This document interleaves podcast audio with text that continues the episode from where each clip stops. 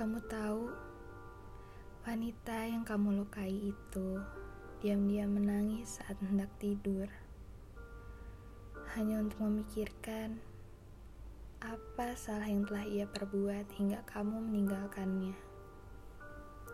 Kamu tahu, wanita yang kamu kecewakan itu diam-diam tetap menanyakan kabarmu pada orang-orang sekitarmu, hanya untuk memastikan bahwa kamu baik-baik saja dengan hidupmu.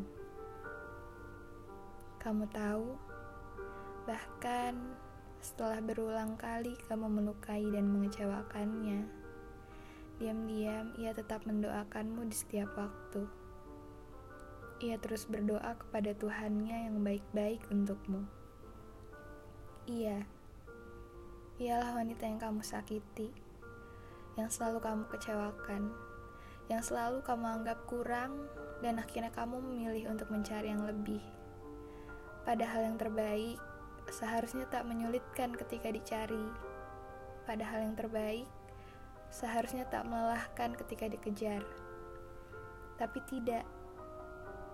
Kamu tidak tahu dan kamu tak pernah mau tahu.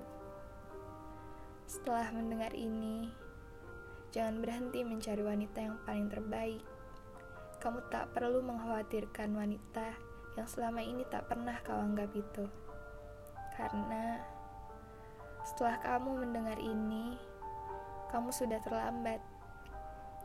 Bahkan, sekalipun akhirnya kamu sadar bahwa ialah yang terbaik yang selama ini kamu cari, ia telah pergi. Telah pergi dengan membawa separuh diri. Ia telah hilang.